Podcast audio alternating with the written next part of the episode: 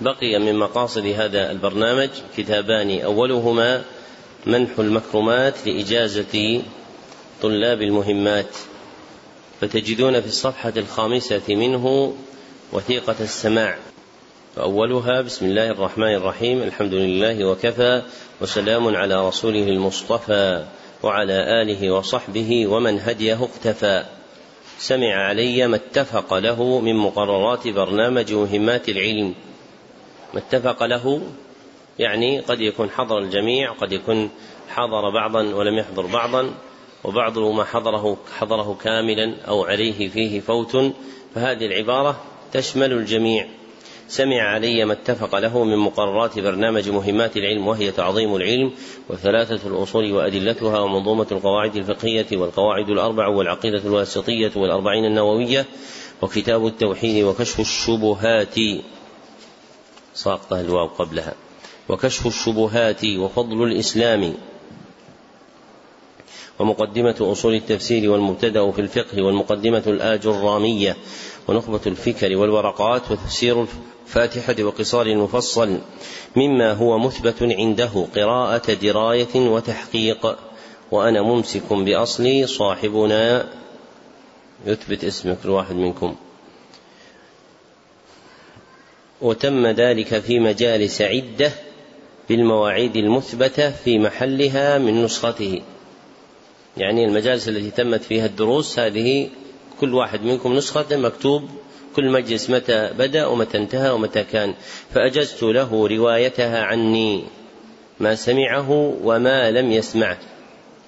أجزت إيش؟ كتب السابقة فأجزت له روايتها عني يعني رواية الكتب السابقة فقط. ما سمعه وما لم يسمعه إجازة خاصة في من معين لمعين في معين بأسانيد الآتية في هذا الثبت منح المكرمات لإجازة طلاب المهمات. وما صح لديه عني من سائر أسانيدي في رواية الكتب السابقة فقط.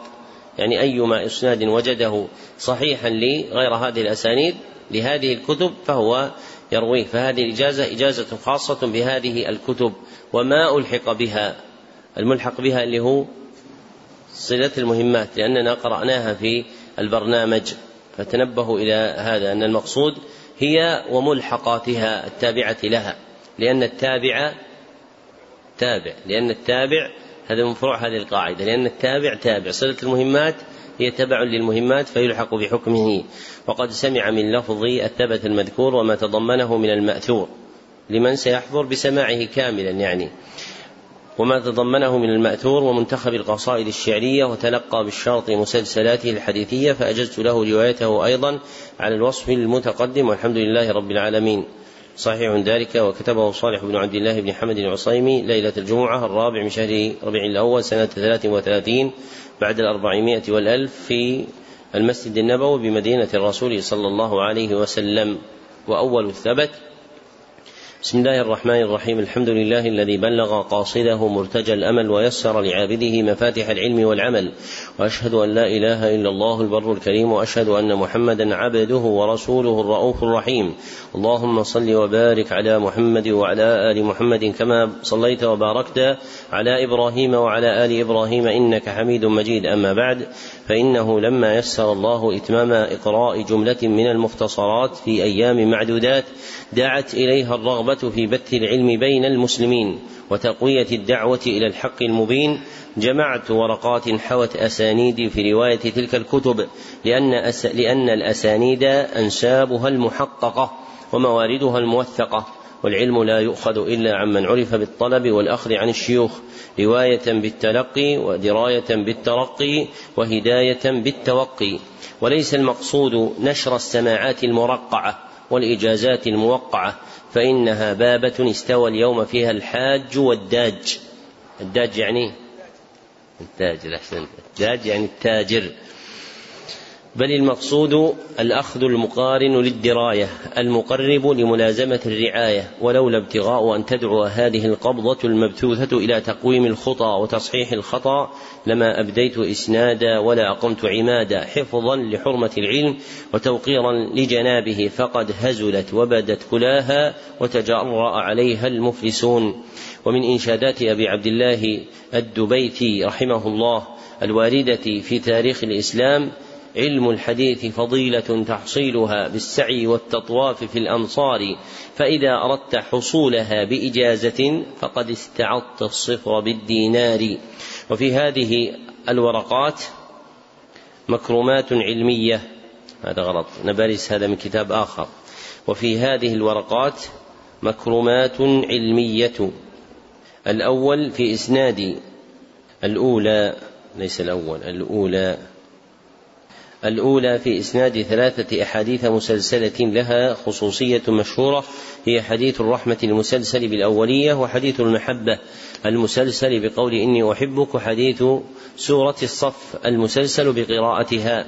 والثانية في الأسانيد التي تؤدى بها الكتب المقررة في برنامج مهمات العلم بالسماع. والثالثة في سرد قصيدتين من إنشاء هما المعاني الحسان في نصح أهل الإيمان وفصيحة التحديث في نصح متحفظ الحديث. وفق الله عباده للهدى وطريق الحق ورزقنا العون في دلالتهم إليه وإعانتهم عليه. مع السلامة من المضلات وأغاليط المقولات. المكرمة الأولى وفيها إسناد ثلاثة أحاديث مسلسلة لها خصوصية مشهورة. إسناد حديث الرحمة المعروف بالحديث المسلسل بالأولية.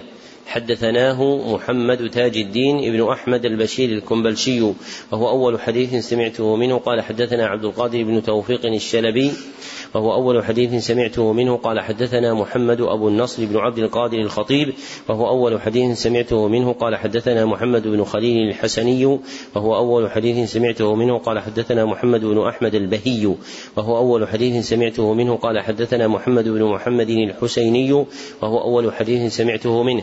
قال حدثنا داود بن سليمان الخربتاوي وهو أول حديث سمعته منه. قال حدثنا محمد الفيومي المصري وهو أول حديث سمعته منه. قال حدثنا يوسف بن عبد الله الأرميوني وهو أول حديث سمعته منه. قال حدثنا عبد الرحمن بن أبي بكر السيوطي وهو أول حديث سمعته منه. قال حدثنا عبد الرحمن بن علي ابن علي بن عمر ابن الملقن وهو أول حديث سمعته منه. قال حدثنا جدي عمر بن علي بن الملقن ابن الملقن وهو أول حديث سمعته منه قال حدثنا محمد بن محمد الميدومي وهو أول حديث سمعته منه قال حدثنا عبد اللطيف ابن عبد المنعم الحراني وهو أول حديث سمعته منه قال حدثنا عبد الرحمن بن علي بن الجوزي وهو أول حديث سمعته منه قال حدثني إسماعيل بن أبي صالح النيسابوري وهو أول حديث سمعته منه قال حدثنا أبي أحمد بن عبد الملك النيسابوري وهو أول حديث سمعته منه قال حدثنا محمد بن محمد الزيادي وهو أول حديث سمعته منه. قال حدثنا أحمد بن محمد البزاز وهو أول حديث سمعته منه. قال حدثني عبد الرحمن بن بشر بن الحكم وهو أول حديث سمعته منه. قال حدثني سفيان بن عيينة وهو أول حديث سمعته منه. عن عمرو بن دينار عن أبي قابوس مولى عبد الله بن عمرو بن العاص عن عبد الله بن عمرو بن العاص رضي الله عنهما عن رسول الله صلى الله عليه وسلم قال الراحمون يرحمهم الرحمن. قال في الحاشية وقع في بعض طرق سماع الحديث زيادة تبارك وتعالى وليست من الرواية ويجوز ذكرها تعظيما لله عز وجل. ارحموا من في الأرض يرحمكم من في السماء. حاء. وحدثني عبد عبد الباقي بن أحمد الأزهري وهو أول حديث سمعته منه. قال حدثنا أبو النصر بن محمد بن خليل الحسني وهو أول حديث سمعته منه. قال حدثنا أبي وهو أول حديث سمعته منه بإسناده المتقدم. حديث حسن أخرجه أبو داود قال حدثنا أبو بكر بن أبي شيبة ومسدد قال حدثنا سفيان وأخرجه الترمذي قال حدثنا ابن أبي عمر قال حدثنا سفيان به دون تسلسل فوقع لنا بدلا لهما عاليا. كيف بدلا لهما؟ أين وقع الاشتراك مع إسنادهما؟ مع شيخ شيخهما مع شيخ شيخهما. ولي في معنى هذا الحديث قطع من الشعر منها قولي الراحمون لأهل الأرض يرحمهم رب تفرد بسم الله رحمانا. فارحم هديت عباد الله كلهم وفق الشرائع إذ ما رمت إحسانا. تنل بها فوق ما ترجوه من كرم وتصطبغ في جنه في جنان الخلد رضوانا.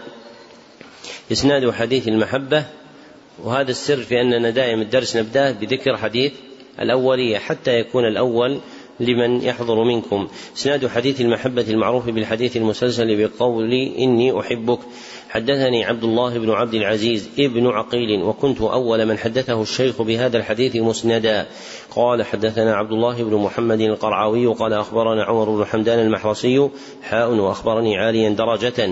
عبد الرحمن ابن عبد الرحمن ابن أبي بكر الملا وعبد القادر ابن كرامة الله البخاري. قال أخبرنا عمر بن حمدان المحرصي قال أخبرنا فرح بن محمد الظاهري قال أخبرنا محمد بن علي السنوسي قال أخبرنا عبد الحفيظ بن درويش العجيمي قال أخبرنا محمد بن عبد الغفور السندي قال أخبرنا عيد بن علي النمرسي قال أخبرنا محمد بن أحمد البهوتي قال أخبرنا عبد الرحمن بن يوسف البهوتي قال أخبرنا محمد بن أحمد الغيطي قال أخبرنا عبد الرحمن بن أبي بكر السيوطي قال أخبرنا أحمد بن محمد الحجازي قال أخبرنا إسماعيل بن إبراهيم الحنفي قال أخبرنا خليل بن كيكلدي العلائي قال أخبرنا أحمد بن محمد الأرموي قال أخبرنا عبد الرحمن بن مكي الإسكندري قال أخبرنا أحمد بن محمد السلفي قال أخبرنا محمد بن عبد السلام الأنصاري ومحمد بن عبد الكريم ابن خشيش قال الأول أخبرنا عبد الرحمن بن عبيد الله الحرفي وقال أبو سعد وهو ابن خشيش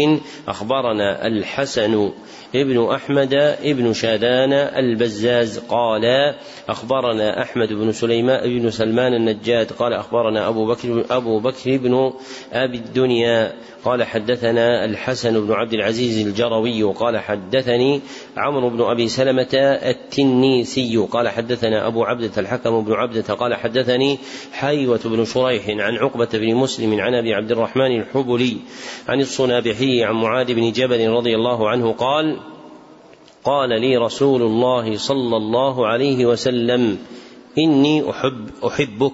فقل اللهم أعني على ذكرك وشكرك وحسن عبادتك قال الصنابحي قال لي معاذ إني أحبك. فقل هذا الدعاء.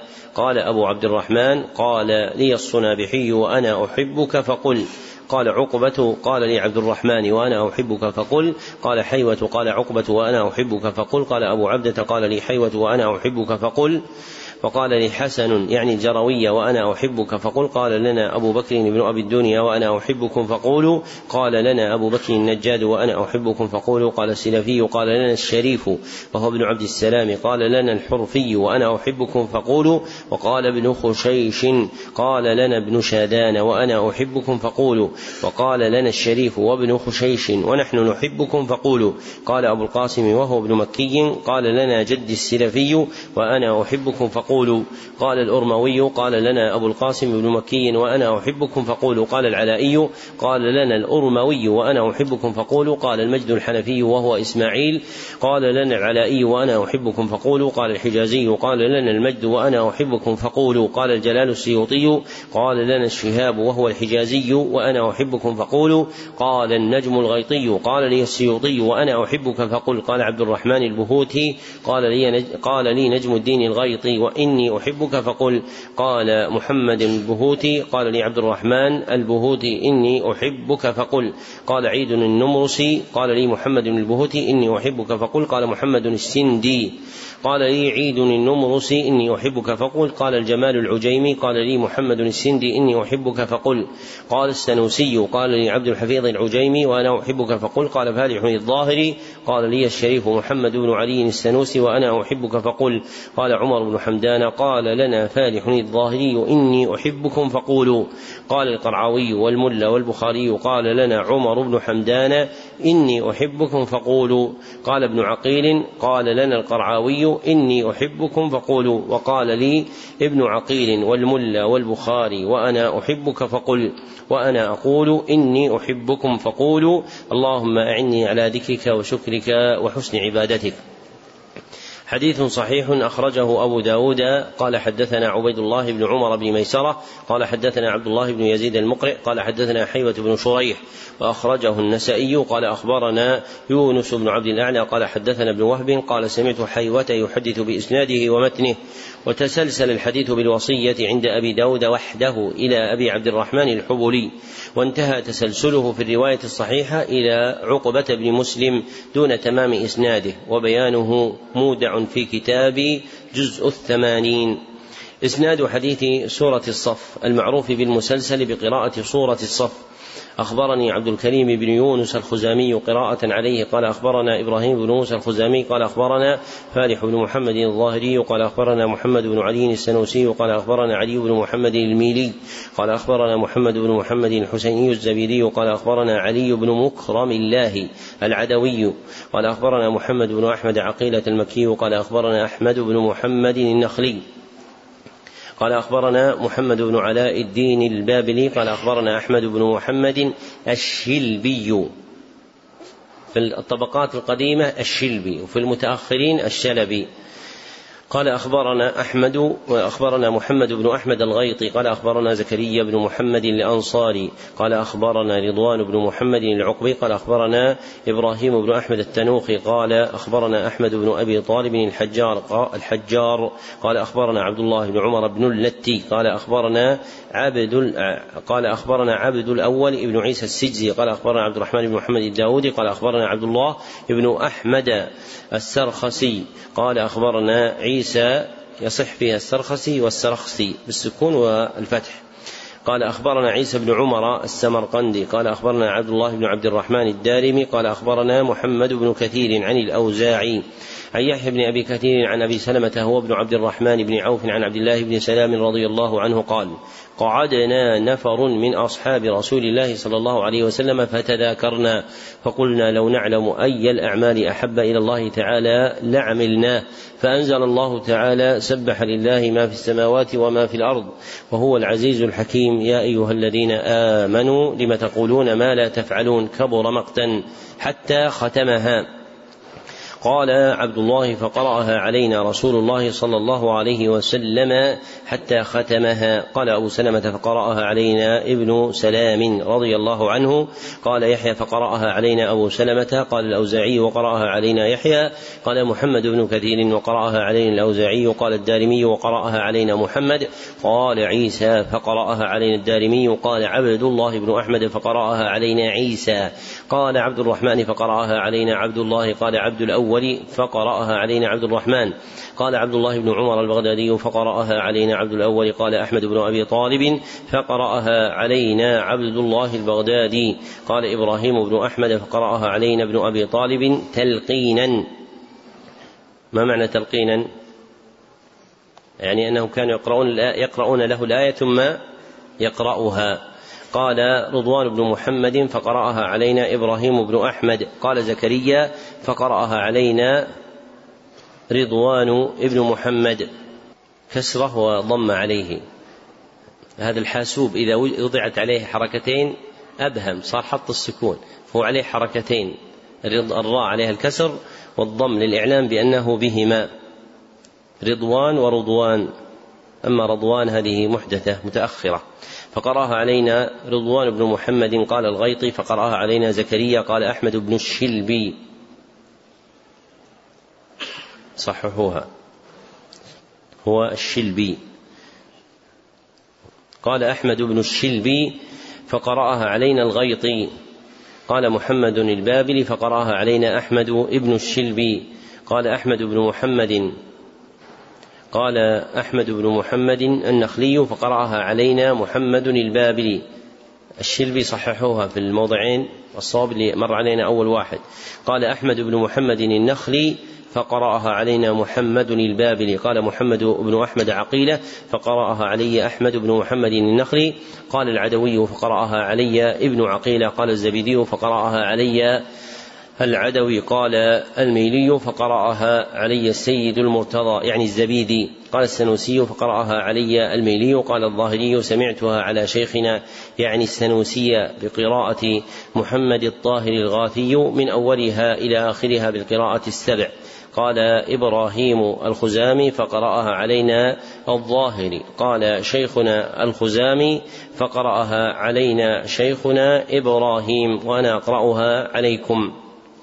أعوذ بالله من الشيطان الرجيم. بسم الله الرحمن الرحيم. سبح لله ما في السماوات وما في الأرض وهو العزيز الحكيم. يا أيها الذين آمنوا لم تقولون ما لا تفعلون؟ كبر مقتا عند الله أن تقولوا ما لا تفعلون. إن الله يحب الذين يقاتلون في سبيله صفا كأنهم بنيان مرصوص. وإذا قال موسى لقومه يا قوم لم تؤذونني وقد تعلمون أني رسول الله الله إليكم. فلما زاغوا أزاغ الله قلوبهم. والله لا يهدي القوم الفاسقين. وإذا قال عيسى ابن مريم يا بني إسرائيل إني رسول الله إليكم مصدقا لما بين يدي من التوراة. ومبشرا برسول يأتي من بعد اسمه أحمد. فلما جاءهم بالبينات قالوا هذا سحر مبين. ومن أظلم ممن افترى على الله الكذب وهو يدعى يدعى إلى الإسلام. والله لا يهدي القوم الظالمين. يريدون ليطفئوا نور الله بأفواههم. والله متم نوره ولو كره الكافرون. هو الذي أرسل رسوله بالهدى ودين الحق ليظهره على الدين كله ولو كره المشركون. يا أيها الذين آمنوا هل أدلكم على تجارة تنجيكم من عذاب أليم؟ الرحيم تؤمنون بالله ورسوله وتجاهدون في سبيل الله بأموالكم وأنفسكم. ذلكم خير لكم إن كنتم تعلمون. يغفر لكم ذنوبكم ويدخلكم جنات تجري من تحتها الأنهار ومساكن طيبة في جنات عدن. ذلك الفوز العظيم. وأخرى تحبونها نصر من الله وفتح قريب. وبشر المؤمنين. يا أيها الذين آمنوا كونوا أنصار الله. كما قال عيسى ابن مريم للحواريين من أنصاري إلى الله. فقال الحواريون نحن أنصار الله. فامنت طائفه من بني إسرائيل. وكفرت طائفه فأيدنا الذين آمنوا على عدوهم فأصبحوا ظاهرين. وبأي إيش؟ قال الحواريون نحن أنصار الله فآمنت طائفة من بني إسرائيل.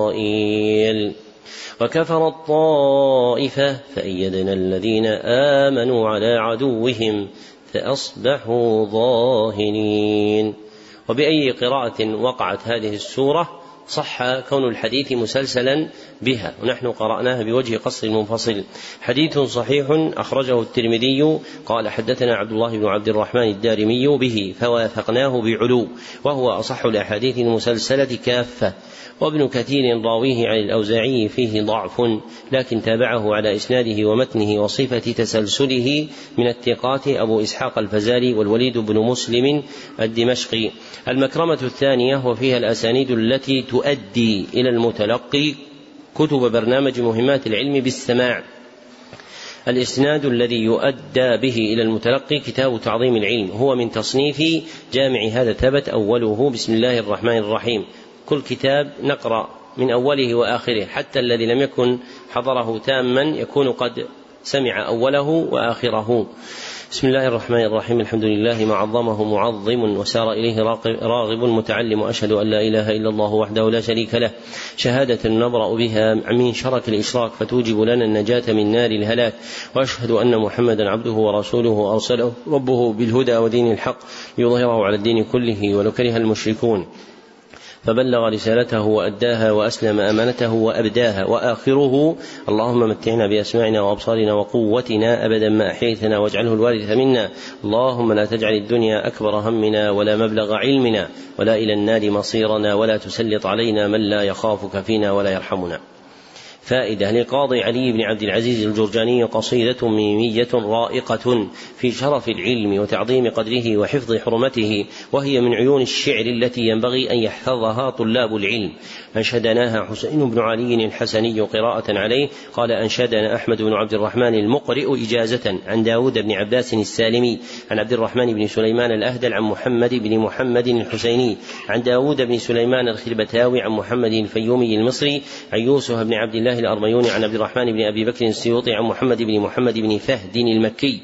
عن محمد بن يعقوب الشيرازي عن عبد الوهاب بن علي السبكي قال أنشدنا أبو العباس بن المظفر بقراءة عليه قال أنشدنا الحسن بن علي الخلال بقراءة قال أنشدنا جعفر بن علي الهمذاني سماعا عليه قال أنشدنا عبد الله بن عبد الرحمن العثماني قال كتب إلي محمود بن عمر الزمخشري من مكة وأجاز لي قال أنشدنا أحمد بن محمد الخوارزمي قال أنشدنا المحسن بن محمد الجشمي قال أنشدنا إسماعيل بن محمد بن الحسن. قال أنشدنا علي بن عبد العزيز الجرجاني لنفسه. إذا أسندتموها عن المتكلم شو تصير الصيغة؟ أنشدنا فلان. يقولون لي فيك انقباض وإنما رأوا رجلا عن موقع الذل عن موقف الذل أحجما أرى الناس من داناه مهان عندهم ومن أكرمته عزة النفس, النفس أكرما وما كل برق لاح لي يستفزني ولا كل من لاقيت أرضاه منعما. وإني جزاك الله خير. وإني إذا ما فاتني الأمر لم أبت أقلب كفي. إثره متندما ولم أقض حق العلم إن كان كلما بدا طمع صيرته لي سلما إذا قيل هذا منهل قلت قد أرى ولكن نفس الحر تحتمل الظمأ ولم أبتذل في خدمة العلم مهجتي لأخدم من لاقيت لكن لأخدم أأشقى به قرسا غرسا وأجنيه ذلة إذا فاتباع الجهل قد كان أحزما. ولو أن أهل العلم صانوه صانهم ولو عظموه في النفوس لعظم ولكن أهانوه فهان ودنسوا محياه بالأطمع حتى تجهم لعظم هكذا الرواية. وكان جماعة من العلماء يستحسنون لو كانت لعظم لأنه هو في نفسه معظم. الإسناد الذي يؤدى به إلى المتلقي الكتاب الذي يؤدي به المتلقي كتاب ثلاثة الأصول وأدلتها تصنيف شيخ الإسلام محمد بن عبد الوهاب التميمي المتوفى سنة ست بعد المئتين والألف. أوله بسم الله الرحمن الرحيم. اعلم رحمك الله. الأرقام توضع تقريبا وتقرأ حرفا. مثل ما قرأناها في تاريخ الوفاة. أوله بسم الله الرحمن الرحيم اعلم رحمك الله أنه يجب علينا تعلم أربع مسائل. الأولى العلم وهو معرفة الله ومعرفة نبيه ومعرفة دين الإسلام بالأدلة. الثانية العمل به. الثالثة الدعوة إليه. الرابعة الصبر على الأذى فيه وآخره. وهذا هو معنى لا إله إلا الله في الحديث رأس الأمر الإسلام. وعموده الصلاة وذروة سلامه الجهاد في سبيل الله والله أعلم. صلى الله على محمد وآله وصحبه وسلم. والإسناد الذي أدى إلي روايته هو ما أخبرنا به عبد العزيز بن صالح ابن مرشد قراءة عليه. قال أخبرنا عبد الله بن عبد اللطيف بن عبد الرحمن بن حسن بن محمد بن عبد الوهاب عن جده إجازة إن لم يكن سماعا عن جده المصنف رحمه الله. حاء. وقال شيخنا أيضا أخبرنا سعد بن حمد سعد بن حمد بن عتيق قراءة عليه. قال أخبرنا أبي قراءة وأحمد بن إبراهيم ابن عيسى إجازة قال أخبرنا عبد الرحمن بن حسن بن محمد بن عبد الوهاب سماعا للأول وإجازة للثاني إن لم يكن سماعا عن جده المصنف رحمه الله. تنبيه. رواية شيخنا ابن مرشد عن شيخه الأول. من شيخه الأول؟ عبد الله بن عبد اللطيف. قراءة مجردة عن الإجازة. يعني قرأ عليه لكن ليس له منه إجازة. قراءة مجردة عن الإجازة وإنما تصح الرواية بها عند فقد كتاب المسمع المقابل بأصل شيخه إذا كان المسموع متلقا بالحفظ المتقن فتلقيه به يقوم مقام وجود نسخته المقابلة بنسخة شيخه. وإذا خلا منه وجهلت نسخة سماعه لم يعول على الرواية من هذا الوجه أبدا. يعني الأصل أن الشيخ الذي ليس معه إجازة من شيخه لكن وجدته قرأ كتابا معروف النسخة قال أنا قرأت هذه النسخة على الشيخ من هذه النسخة لكن ليس لي منه إجازة. فتصح إسنادها عنه بالقراءة. وإن فقدت النسخة التي توافق نسخته التي قرأ على الشيخ وكان المتلقى مأخوذا بالحفظ المتقن قام مقام النسخة. لأن المتون المتداولة بعض الرجال تكون يكون ضبطه لها أحسن من النسخ التي بأيدي الناس. مثل شيخنا عبد العزيز مرشد في كتب إمام الدعوة ومثل الشيخ كريم راجح مثلا شيخ قراء الشام في منظومات القراءات ونظائره كثير في المسلمين. وكان شيخنا ابن مرشد تام الضبط للمتداول من مصنفات إمام الدعوة. متداول يعني المتون المشهورة. إمام الدعوة الإصلاحية في جزيرة العرب حسن المعرفة بكلامه وكلام بقية علمائها. فائدة صنف العلامة محمد بن مانع كتابا يشتمل على مضمن كتاب ثلاثة الأصول وأدلتها سماه القول السديد جعله على هيئة السؤال والجواب تقريبا له وتنويعا لمسالك الانتفاع به مع زيادات لطيفة. أخبرنا به زهير بن مصطفى الشاويش قراءة عليه قال أخبرنا المصنف وللشيخ محمد الطيب الأنصاري وكان معاصرا لابن مانع كتاب نحى فيه منحاه اسمه تسهيل الوصول وقعت لي روايته عن جماعة من أصحابه منهم عبد المجيد الجبرطي ومحمد الحافظ بن حميد وأحمد بن محمد معنين السلاوي وعبد المعين أبو ذراع وحسن الصيرفي وحمزة بن قاسم رحمهم الله. الإسناد الذي يؤدى به إلى المتلقي كتاب منظومة القواعد الفقهية تصنيف الشيخ العلامة عبد الرحمن بن ناصر السعدي المتوفى سنة ست وسبعين بعد الثلاثمائة والألف أوله بسم الله الرحمن الرحيم الحمد لله العلي الأرفق وجامع الأشياء والمفرق للنعم الواسعة الغزيرة والحكم الباهرة الكثيرة وآخره والحمد لله على التمام في البدء والختام والدوام ثم الصلاة مع سلام شائع على النبي وصحبه والتابع.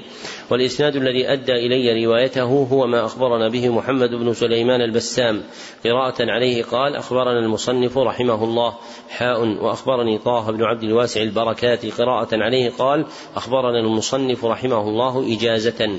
تنبيه أجاز لي محمد عبد الله بن محمد الشنقيطي عامة وقد أجاز له السعدي بعض بعض تصانيفه ولا يعرف تعيينها من طريق ثبت لا عن شيخنا ولا عن غيره فلا تصح الرواية بهذا الطريق لشيء منها للجهل به. فمن أسند عنه كتابا للسعدي فقد أخطأ ما لم يقم البرهان على ما له استبان. يعني أن الشيخ من سعدي أجاز هذا الرجل وكان من علماء المدينة في بعض تصانيفه التي كان يعرفها الشيخ قديما لأنها بعثها له في رسالة استجابة لطلبه ثم لم يقيد الشيخ ما يضبطها به ففات معرفتها فلا تصح روايتها عنه لعدم معرفتها معينة من كتبه وأشد منه خطأ من أسند عن شيخنا الشنقيطي عن ابن سعدي بأسانيده العامة لأنه لم يجزه إجازة عامة. الإسناد الذي يؤدى به إلى المتلقي كتاب القواعد الأربع تصنيف شيخ الإسلام محمد بن عبد الوهاب التميمي المتوفى سنة ست بعد المئتين والألف. أوله بسم الله الرحمن الرحيم. أسأل الله الكريم رب العرش العظيم أن يتولاك في الدنيا والآخرة وأن يجعلك مباركا أينما كنت وأن يجعلك ممن إذا أعطي شكر وإذا ابتلي صبر وإذا أذنب استغفر فإن هؤلاء الثلاثة عنوان السعادة. وآخره القاعدة الرابعة أن مشركي زماننا أغلظوا شركا من الأولين لأن الأولين يشركون في الرخاء ويخلصون في الشدة ومشرك زماننا شركهم دائما في الرخاء والشدة. والدليل قوله تعالى فإذا ركبوا في الفلك دعوا الله مخلصين له الدين فلما نجاهم إلى البر إذا هم يشركون. والإسناد الذي أدى إلي روايته وما أخبرنا به عبد العزيز بن صالح بن ابن مرشد قراءة عليه قال أخبرنا عبد الله بن عبد اللطيف بن عبد الرحمن بن حسن بن محمد بن عبد الوهاب عن جده إجازة إن لم يكن سماعا عن جده المصنف رحمه الله. حاء وقال شيخنا أيضا أخبرنا سعد بن محمد ابن عتيق قراءة عليه. قال أخبرنا أبي قراءة وأحمد بن إبراهيم إبراهيم ابن عيسى إجازة قال أخبرنا عبد الرحمن بن حسن بن محمد بن عبد الوهاب سماعا للأول وإجازة للثاني إن لم يكن سماعا عن جده المصنف. هذا يقال إن لم يكن سماعا إذا قوي احتماله لأنه يكون تلميذا مصاحبا له. فنحن لم نقف على تحقيق سماعه وقد يظهر يوما من الدهر. فقد وجدت بحمد الله بعض كتب الشيخ أحمد بن إبراهيم التي كتب فيها أنني قرأت هذا الكتاب على عبد الرحمن بن حسن كعقيدة الصابوني.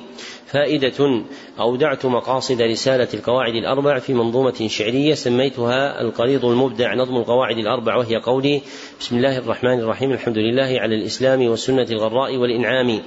نحن حرصنا أن الكتاب تحشى فيه أيضا فوائد تستفيدون رواية. أحمده سبحانه لما هدى لمهيع التوحيد درب السعداء. هاديهم فيه هو المختار محمد رسولنا الخيار. صلى عليه الله والأملاك وسلموا ما دارت الأفلاك. وآله وصحبه الهداة من أحرز الطريق للنجاة. وبعدها كتحفة حبرتها بأبدع الألفاظ ما طولتها. مرجزا ما حرر الإمام محمد أحيي به الإسلام. في أصقع قد أنتنت بالشرك. حتى غدت حرية بالترك. سملها لا حلق ريض المبدع. في دره تجلى قواعد القواعد أربع ملتزما فيها اتباع الأصل رجاء نفعها بيوم الفصل فصل. وملة التوحيد نصا تنسب إلى الخليل جدنا وتعرب أن تلزم أن تلزم الإفراد بالتمجيد لله رب العرش والعبيد فتعبد الإله بالإخلاص مستمسكا بعروة الخلاص لأجل ذا إبراهيم بالحنيف ملقب مع تابع شريف. وقوله وما خلقت الجن الآية التعليل جاء التعليل جاء منا مبينا لحكمة الشرعية من خلقنا والجعل للذرية. أن نعبد الرحمن بالخضوع وحبه والسر في المجموع وكل عامل مع الإشراك فأمره رد وغير زاكي فمن بربنا العظيم يشرك مقبح وذنبه لا يترك والحكم في القرآن إن الله لا يغفر الإشراك كن أواها. القاعدة الأولى إن الذين كان فيهم أحمد هم أيقنوا بالله ربا يوجد يوجد فعندهم غيره خلاق له الأمور وحده الرزاق وإن تكن مناشدا في جمعهم وسائلا لإنسهم وجنهم من أتقن الأكوان في الاتساق وأطعم المكنون في الأعماق قالوا جميعا دون ما اختلاف. الله رب الحي والأسلاف. لكنهم لم يدخلوا الإسلام بقولهم ولا غدوا حراما. حراما إيش؟ حرام الدم والمال. القاعدة الثانية ومن مقالهم لأجل القربة شفاعة توجهوا في الإربة ليحصل الإدراك للمراتب والدفع للأضرار والمعايب. وقد أتى في وحينا القرآن شفاعة حدت مع البرهان بأنها نوعان منها المنفي ومثبت منها بغير حرف. فالأول المنفي عن الكفار الخالدين أبدا في النار والمثبت الله به تفضل على مشفع ومشفوع تلا بشرطه الذي أتى صريحا عن ربنا حتى بدا فصيحا. قاعدة الثالثة واختلفوا في دينهم من عبد كواكبا ومنهم من قصد عبادة الأشجار والأحجار أو النبيين مع الأخيار وساجد للشمس أو للقمر أو نجمة رجاء دفع الضرر وغيره في زمرة الأنواك. الأنواك يعني حمقى معظم للروح والأملاك فلم يفرق بينهم نبينا وقاتل الأشرار لما بين القاعدة الرابعة الشرك في الأعصار للأخيرة أصحابه ذلوء للجريرة لأنهم في كل شرك سبقوا أضرابهم فغيرهم مستبق فالأولون مشركون في الرخاء وهؤلاء شركهم بلا ارتخاء. الخاتمة فأدركن هذه القواعد لتغنم العلوم والفوائد مع دعوة بالخير للإمام تعداد هاطل من الغمام أكملتها بطيبة المطيبة. يعني المدينة النبوية. أكملتها بطيبة المطيبة حال اشتغالي بالعلوم الطيبة. نسأل الله عز وجل ألا يقطعنا عن ذلك جميعا. وما برحت نظمها منقحا حتى تبدى حسنها مرجحا فالحمد لله على الإتمام ما شعت الأضواء في الظلام. حال اشتغالي يعني حال طلب للعلم. الإسناد الذي يؤدى به إلى المتلقي كتاب اعتقاد أهل السنة والجماعة المعروف بالعقيدة الواسطية. تصنيف شيخ الإسلام أحمد بن عبد الحليم ابن تيمية النميري المتوفى سنة ثمان وعشرين وسبعمائة. أوله بسم الله الرحمن الرحيم. الحمد لله الذي أرسل رسوله بالهدى ودين الحق ليظهره على الدين كله. وكفى بالله شهيدا وأشهد أن لا إله إلا الله وحده لا شريك له. إقرارا به وتوحيدا وأشهد أن محمدا عبده ورسوله صلى الله عليه وعلى آله وسلم تسليما مزيدا. وآخره فنسأل الله العظيم أن يجعلنا منهم وأن لا يزغ قلوبنا بعد إذ هدانا ويهب لنا من لدنه رحمة إنه هو الوهاب. الحمد لله رب العالمين وصلاته على خير خلقه محمد وآله وصحبه وسلم. والإسناد الذي أدى إلي روايته هو ما أخبرنا به محمد بن عبد الرحمن. آل الشيخ قراءة عليه قال أخبرنا حمد بن فارس بن ابن رميح عن عبد الرحمن بن حسن بن محمد بن عبد الوهاب التميمي عن جده عن عبد الله بن إبراهيم بن سيف عن أبي المواهب محمد بن عبد الباقي البعلي عن أبيه عن عبد الرحمن بن يوسف البهوتي عن يوسف بن زكريا بن محمد الأنصاري عن أبيه عن محمد بن مقبل الحلبي عن محمد بن عبد الله المقدسي عن المصنف رحمه الله. فائدة كتب المصنف هذه العقيدة في جلسة بعد صلاة العصر وذلك من فواتح الله عليه لما شهر به من التحقق بالمسكنة وإظهار الفاقة والانكسار لربه وعيبه نفسه بأنه ممن لم يصح له الإسلام بعد حتى يدعي الشرف فيه. ومن مظاهره في أحواله قصيدته التي أنشدناها شريف الإسلام ابن سيد علي السلفي قراءة عليه بإسناده الآتي إلى عبد الرحمن بن رجب عن محمد بن أبي بكر الزرعي عن أبي العباس بن تيمية صاحب الواسطية قال أنا الفقير إلى رب البريات أنا المسيكين في مجموع حالاتي أنا الظلوم لنفسي وهي ظالمتي والخير إن يأتنا من عنده يأتي. لا أستطيع لنفسي جلب منفعة ولا عن النفس لي دفع المضرات وليس لي دونه مولى يدبرني ولا شفيع إذا حاطت خطياتي. إلا بإذن من الرحمن خالقنا إلى الشفيع, إلى الشفيع كما قد جاء في الآيات. ولست أملك شيئا دونه أبدا ولا شريك أنا في بعض ذراتي ولا ظهير له. كي يستعين به كما يكون لأرباب الولايات والفقر لي وصف ذات لازم أبدا كما الغنى أبدا وصف له ذاتي وهذه الحال حال الخلق أجمع أجمعهم وكلهم عنده عبد له آتي فمن بغى مطلبا من غير خالقه فهو الجهول الظلوم المشرك العاتي والحمد لله ملء الكون أجمعه ما كان منه وما من بعد قد ياتي. الإسناد الذي يؤدى به إلى متلقي كتاب الأربعين في مباني الإسلام وقواعد الأحكام المعروف بالأربعين النووية. تصنيف الشيخ العلامة يحيى ابن شرف النووي المتوفى سنة ست وسبعين وستمائة أوله بسم الله الرحمن الرحيم الحمد لله رب العالمين قيوم السماوات والأرضين مدبر الخلائق أجمعين باعث الرسل صلوات الله صلواته وسلامه عليهم إلى المكلفين لهدايتهم وبيان شرائع الدين بالدلائل القطعية وواضحات البراهين وآخره الحمد لله الذي هدانا لهذا وما كنا لنهتدي لولا أن هدانا الله. وصلاته وسلامه على سيدنا محمد وآله وصحبه وسلم. وسلام على المرسلين والحمد لله رب العالمين. قال مؤلفه فرغت منه ليلة الخميس التاسع والعشرين من جماد الأولى سنة ثمان وستين وستمائة. والإسناد الذي أدى إلي روايته وما أخبرني به عبد الله بن عبد الرحمن بن محمد يعقوب السلفي المعروف بأبي الحسن الكشميري. قراءة عليه قال أخبرنا أبي. قراءة بعضه وإجازة بقيه لي قال أخبرنا نذير حسين ابن ابن جواد علي الدهلوي كذلك. قال أخبرنا محمد إسحاق بن محمد أفضل الدهلوي كذلك. قال أخبرنا عبد العزيز بن أحمد بن عبد الرحيم الدهلوي كذلك. قال أخبرنا أبي كذلك. قال أخبرنا أبو طاهر بن أبو طاهر بن إبراهيم الكوراني كذلك. قال أخبرنا أحمد بن محمد النخري كذلك. قال أخبرنا منصور بن عبد الرزاق الطوخي قراءة عليه بعضه إن لم يكن جميعه. قال أخبرنا سلطان بن أحمد المزاحي. حاء ورواه النخلي عاليا درجة. قال أخبرنا محمد بن علاء البابلي قال المزاحي والبابلي. أخبرنا سالم بن محمد السنهوري وقال أخبرنا محمد بن أحمد الغيطي قال أخبرنا زكريا بن محمد الأنصاري وقال أخبرنا إبراهيم بن صدقة الصالحي. قال أخبرنا إبرا قال أخبرنا محمد بن أحمد الرفاء. قال أخبرنا سليمان بن سالم الغزي وأحمد بن يوسف الخلاطي. قال أخبرنا علي بن إبراهيم العطار حاء. وقال الرفاء أخبرنا الحسين بن عبد العزيز اللخمي قال أخبرنا سليمان بن عمر الزرعي قال قال العطار والزرعي أخبرنا المصنف رحمه الله تعالى حاء ورواه إبراهيم بن صدقة عاليا درجة عن أبي إسحاق إبراهيم التنوخي عن علي بن إبراهيم العطار به. فائدة أجل المختصرات الحديثية الأربعين النووية. ومن بدائع ابن الديبع الشيباني فيها ما أنشدنيه حسين بن علي الأرحبي بقراءة عليه قال أخبرنا عبد الله بن علي العمودي إجازة عن إسماعيل بن الحسن بن أحمد العمري عن أبيه المعروف بعاكش عن عبد الرحمن بن سليمان بن يحيى بن عمر الأهدل عن أبيه عن جده عن أبي بكر بن علي البطاح عن يوسف بن محمد البطاح عن الطاهر بن حسين البطاح عن عبد الرحمن بن علي الشيباني المعروف بابن الديبع قال أيها الطالبون علم حديث هذه أربعون حقا صحيحة كلها غير سبعة فحسان فاعتمدها فإنها لنصيحة. الإسناد الذي يؤدى به إلى المتلقي كتاب كتاب التوحيد الذي هو حق الله على العبيد. تصنيف شيخ الإسلام محمد بن عبد الوهاب التميمي المتوفى سنة ست بعد المئتين والألف أوله بسم الله الرحمن الرحيم. الحمد لله. صلى الله على محمد وعلى آله وصحبه وسلم. كتاب التوحيد وقول الله تعالى وما خلقت الجن والإنس إلا ليعبدون وقوله ولقد بعثنا في كل أمة رسولا أن اعبدوا الله واجتنبوا الطاغوت وقوله وقوله وقضى ربك ألا تعبدوا إلا إياه وبالوالدين وبالوالدين إحسانا الآية وقوله واعبدوا الله ولا تشركوا به شيئا. الآية وقوله قل تعالوا وأتلوا ما حرم, حرم ربكم عليكم ألا تشركوا به شيئا. الآيات وآخره السابعة عشرة كم بين السماء والأرض؟ الثامنة عشرة. كتف كل سماء خمسمائة سنة. التاسعة عشرة أن البحر الذي فوق السماوات بين أعلاه وأسفله مسيرة خمسمائة سنة. هذا آخر الأبواب والمسائل.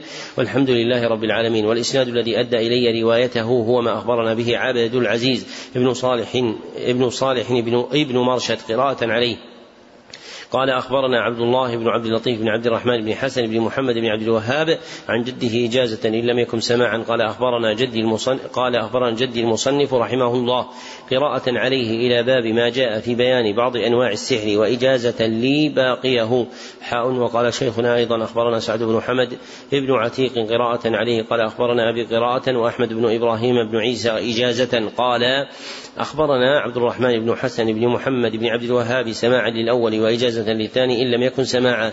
عن جده المصنف رحمه الله على الوجه المتقدم في روايته عنه. فائدة تقدم الإرشاد إلى كيفية رواية شيخنا ابن مرشد عن شيخه عبد الله بن عبد اللطيف عند ذكر إسناد ثلاثة الأصول وأدلتها.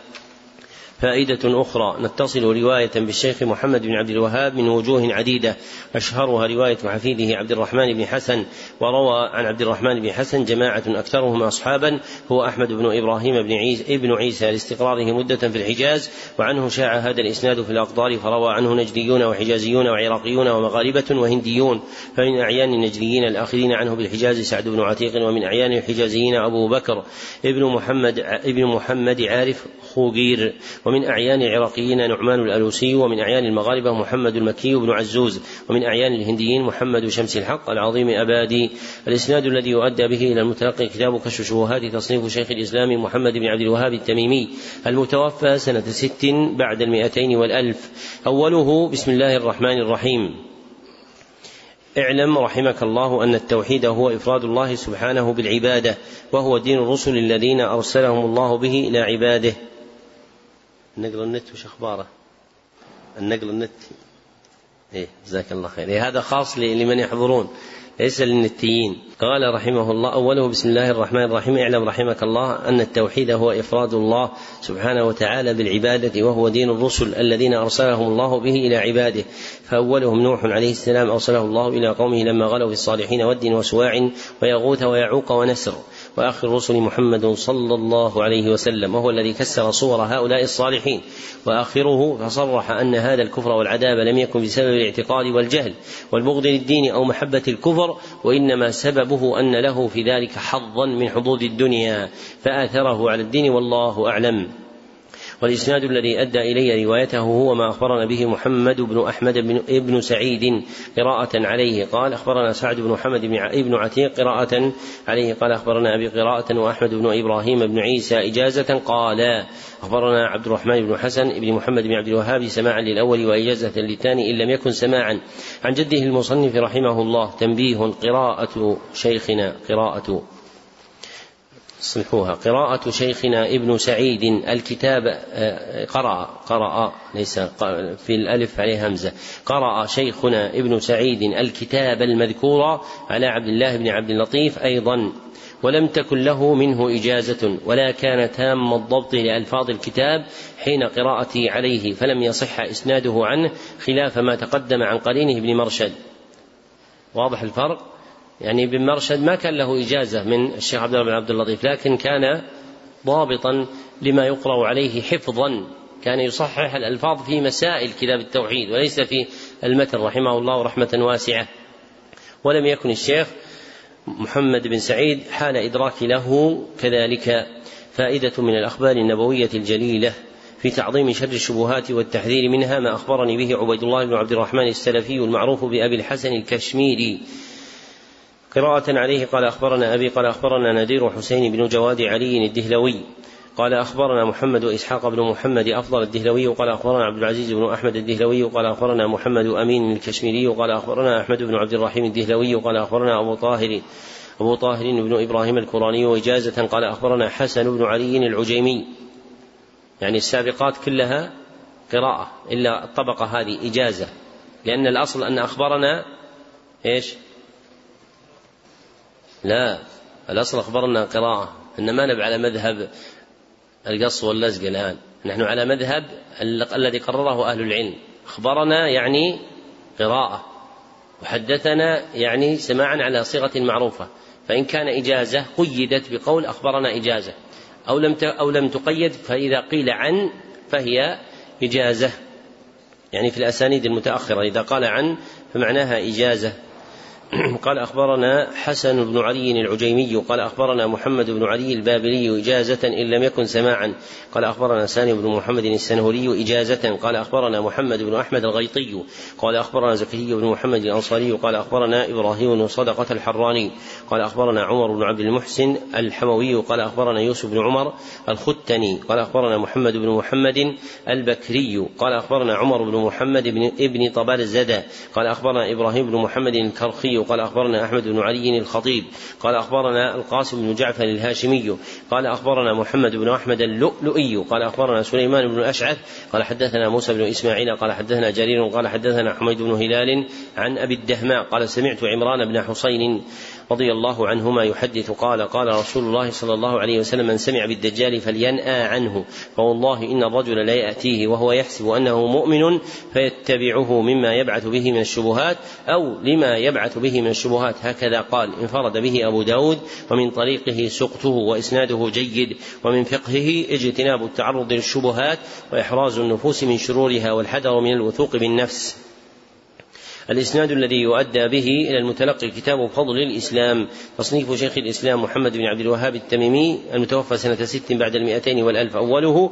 بسم الله الرحمن الرحيم. وبه نستعين. باب فضل الإسلام وقول الله تعالى اليوم أكملت لكم دينكم وأتممت عليكم نعمتي ورضيت لكم الإسلام. ورضيت لكم الإسلام دينا. وآخره قال عمرو بن سلمة رأيت عامة أولئك الحلق يطاعنوننا يوم النهروان مع الخوارج والله أعلم بالصواب صلى الله على محمد وآله وصحبه وسلم تسليما كثيرا إلى يوم الدين. والإسناد الذي أدى إلي روايته هو ما أخبرنا به محمد إسحاق بن عبد المجيد السلفي قراءة عليه قال أخبرنا محمد بن إسماعيل بن إبراهيم السلفي إجازة عن عن هنا يعني إجازة.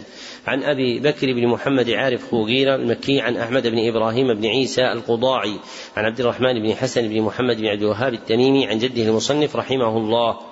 فائدة للعلامة عبد الرحمن بن سعدي بديعة استنباطية في بيان فضل الإسلام لكماله. ذكرها في تفسير قوله تعالى لا إكراه في الدين قد تبين الرشد من الغي فمن يكفر بالطاغوت ويؤمن بالله فقد استمسك بالعروة الوثقى لا انفصام لها والله سميع عليم. فقال في تفسير الكريم الرحمن فيما أخبرنا بقراءة زهير بن مصطفى الشاويش بإجازته عنه يخبر تعالى أنه لا إكراه في الدين لعدم الحاجة إلى الإكراه عليه لأن الإكراه لا يكون إلا على أمر خفية أعلامه غامضة آثاره أو أمر في غاية الكراهة للنفوس وأما هذا الدين القويم والصراط المستقيم فقد تبينت أعلامه للعقول وظهرت طرقه وتبين أمره وعرف الرشد من الغي فالموفق إذا نظر أدنى نظر إليه آثره واختاره. وأما من كان سيء القصد فاسد الإرادة خبيث النفس يرى الحق فيختار عليه الباطل ويبصر الحسن فيميل إلى القبيح فهذا ليس لله حاجة في إكراهه على الدين لعدم النتيجة والفائدة فيه والمكره ليس إيمانه صحيحا. الإسناد الذي يؤدى به إلى المتلقي كتاب المقدمة في أصول التفسير تصنيف شيخ الإسلام أحمد بن عبد الحليم ابن تيمية النميري المتوفى سنة ثمان وعشرين وسبعمائة أوله بسم الله الرحمن الرحيم ربي يسر وأعن برحمتك الحمد لله نستعينه ونستغفره ونعوذ بالله من شرور أنفسنا ومن سيئات أعمالنا. من يهده الله فلا مضل له ومن يضلل فلا هادي له. وآخره قال ابن جرير حدثنا محمد بن بشار قال حدثنا مؤمل قال حدثنا سفيان عن أبي الزناد قال قال ابن عباس التفسير على أربعة أوجه. وجه تعرفه العرب من كلامها وتفسير لا يعذر أحد بجهالته وتفسير يعلمه العلماء وتفسير لا يعلمه إلا الله تعالى ذكره والله سبحانه وتعالى أعلم. والإسناد الذي أدى إلي روايته هو ما أخبرني به عبد العزيز العزيز بن فتح محمد اللاهوري المعروف بعزيز زبيدي قراءة عليه. ضم الزاي من زبيدي. المعروف بعزيز زبيدي قراءة عليه قال أخبرنا راغب بن محمد راغب بن محمود الطباخ إجازة عن أبي بكر بن محمد عارف خوغيرة المكي. عن أحمد بن إبراهيم بن عيسى القضاعي عن عبد الرحمن بن حسن بن محمد بن عبد الوهاب التميمي عن جده عن عبد الله بن إبراهيم بن سيف عن أبي المواهب محمد بن عبد الباقي البعلي عن أبيه عن عبد الرحمن بن يوسف البهوتي عن يوسف بن زكريا بن محمد الأنصاري عن أبيه عن محمد بن مقبل الحلبي عن محمد بن عبد الله المقدسي عن المصنف رحمه الله. فائدة أجاز الطباخ لشيخنا. طباخ من أين؟ من حلب. أجاز الطباخ لشيخنا باستدعاء شيخنا من بلاد البنجاب في باكستان رحمه الله. لشيخنا باستدعاء شيخه عبد التواب الملتاني الإجازة لنفسه وله. وهو مع تباعد البلاد نادر في النصف الثاني من القرن الماضي.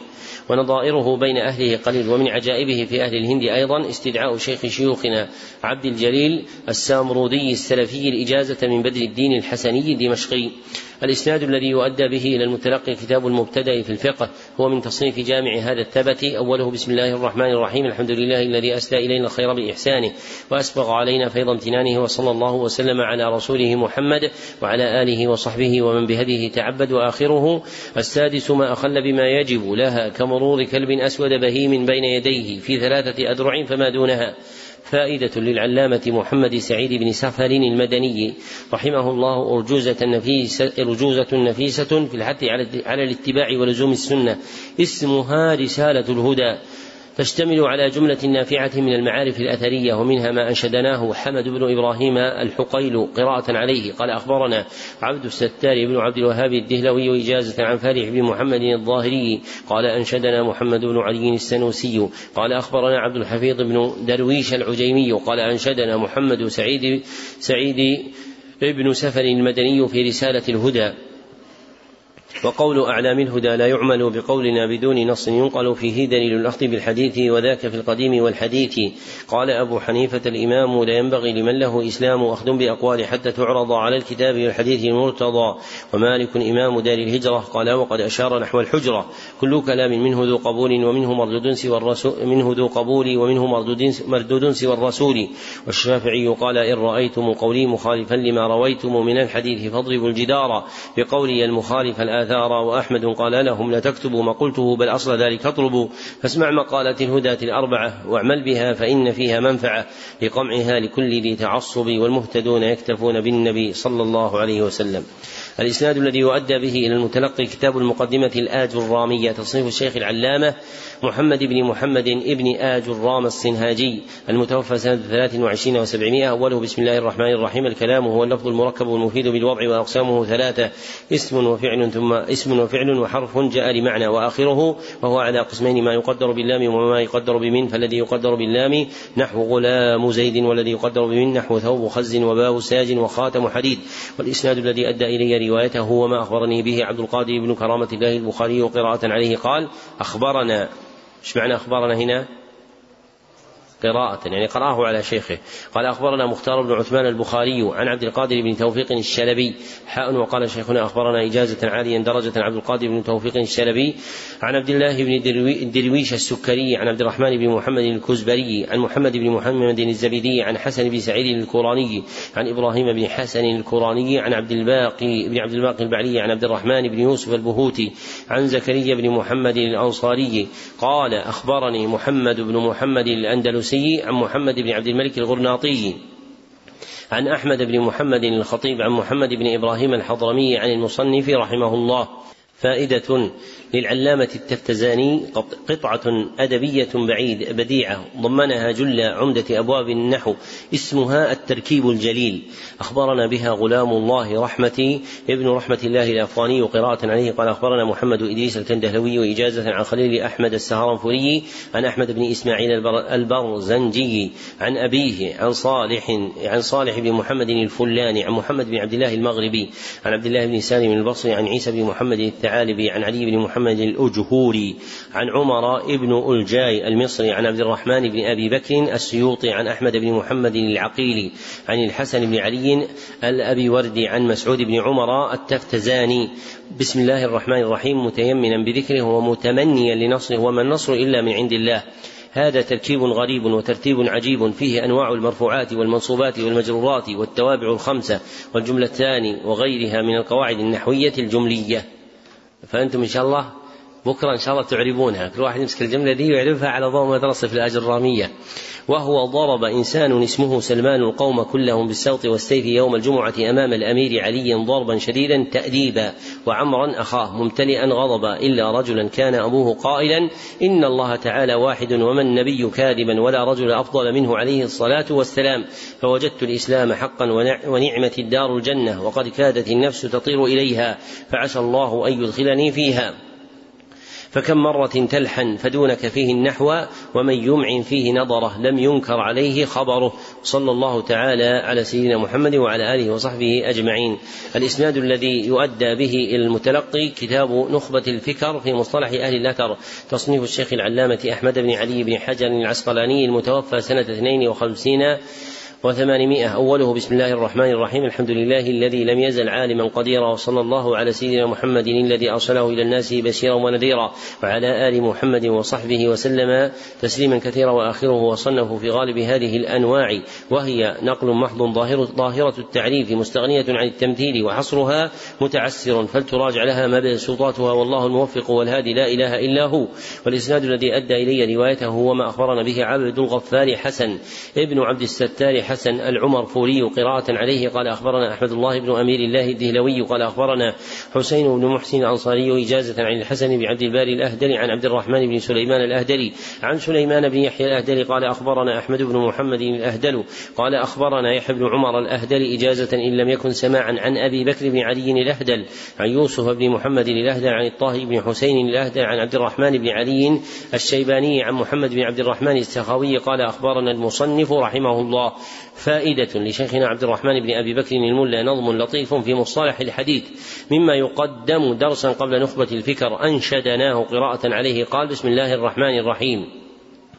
يا سائلي عن الحديث مرتقب أقسامه خذها بنظم مقترب إن الصحيح ما سنده اتصل بلا شذوذ وبضابطين دل والحسن المعروف دون الأول رجاله لا كالصحيح المعتلي أما الضعيف فهو دون الحسن لفقده شروطه فاستبني وما عزي إلى النبي أو نسب فذا هو المرفوع فاحفظه تصب وما على قول الصحابي قصر فذا هو الموقوف يا ذا المبتصر وما بإسناد له قد اتصل فذا هو الموصول حيثما حصل. ومرسل ما التابعي قد رفع كقوله عن النبي المتبع وما أتى عن تابع موقوفا فذاك مقطوع أتى معروفا. وما لأحد رواته سقط منقطع عن الصحيح قد هبط.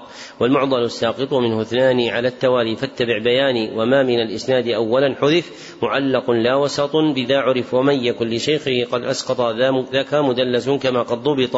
أما الغريب فهو ما رواه فرد من الرواة لا سواه. ومن يكن قد خالف الثقات حديثه شذا لدى الرواة والمنكر الذي لمتنه جهل من غير من غير راويه ولم يكن قبل وما روي من أوجه مختلفة عن واحد مضطرب, مضطرب فلتعرفه وآخر الأقسام ما كان وضع وعزوه إلى النبي قد منع وناظم الأقسام للبيان هو الفقير عابد الرحمن نجلو أبي بكر الشهيد ذي الحسن من ارتقى بعلمه أعلى الرتب عليه رحمة الإله الخالق الواسع الرحمة للخلائق ثم صلاة الله والسلام على الذي ظلله الغمام محمد وآله الأطهار وصحبه مشارق الأنوار ما نزل الوطق من السحاب وما بدأ البدر من الغياب. الإسناد الذي ودى به المتلقي كتاب الورقات. تصنيف الشيخ العلامة عبد الملك بن عبد الله الجويني المتوفى سنة ثمان وسبعين وأربعمائة.